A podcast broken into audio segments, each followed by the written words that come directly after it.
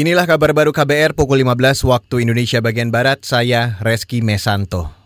Menko Perekonomian Air Langga Hartanto membenarkan bahwa Presiden Joko Widodo sudah menandatangani kenaikan iuran BPJS Kesehatan yang sempat ditolak oleh Mahkamah Agung. Kenaikan itu menurut Air Langga dilakukan supaya BPJS Kesehatan bisa tetap beroperasi normal. Dan tentunya ini adalah untuk menjaga keberlanjutan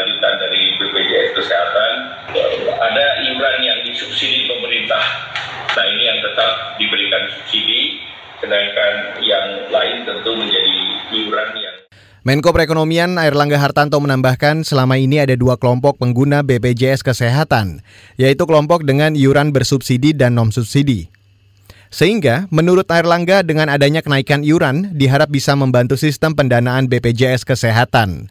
Meskipun untuk operasional pelaksanaan kegiatan BPJS Kesehatan, pemerintah masih terus memberikan subsidi.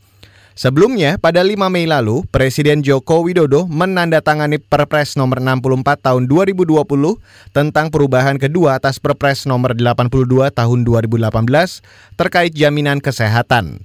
Dengan begitu, iuran peserta mandiri bukan pekerja dan pekerja bukan penerima upah atau PBPU dikembalikan ke aturan lama.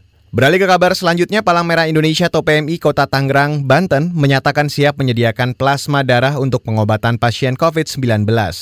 Menurut manajer mutu PMI Kota Tangerang, Udin Mahfudin, instruksi PMI Pusat masih ditunggu terkait kebijakan penyediaan plasma darah. Apalagi donor plasma darah yang akan dijadikan pengobatan harus berasal dari pasien sembuh COVID-19. Cara prinsip kita siap, cuma nanti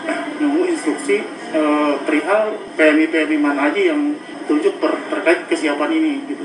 Karena secara prinsip kita plasma banyak, cuman kan yang harus dicari adalah plasma yang dari pasien yang pernah menderita COVID yang sudah sembuh. Manajer Mutu PMI Kota Tangerang Udin Mahfudin kepada Antara menambahkan saat ini terus melakukan pendataan pasien sembuh dari COVID-19. Mereka diimbau untuk berperan serta menyumbangkan plasma darahnya demi pengobatan pasien terinfeksi virus corona lainnya. Beralih ke kabar dari mancanegara, Badan Pengawas Dagang di Kolombia menyatakan akan memeriksa apakah aplikasi sosial media asal Cina TikTok mematuhi aturan hukum atau tidak, terutama dikaitkan dengan pengumpulan dan penggunaan data pribadi anak-anak serta remaja. TikTok merupakan aplikasi untuk membuat video berdurasi singkat yang bisa dibagikan ke jutaan penggunanya di seluruh dunia. Otoritas Pengawas Industri dan Dagang Kolombia menyatakan TikTok akan diselidiki terkait prinsip tanggung jawab dalam penggunaan data warga Kolombia yang menjadi penggunanya. Sebelumnya, pada April lalu TikTok sudah memblokir fungsi obrolan langsung dan streaming video untuk pengguna berusia di bawah 16 tahun.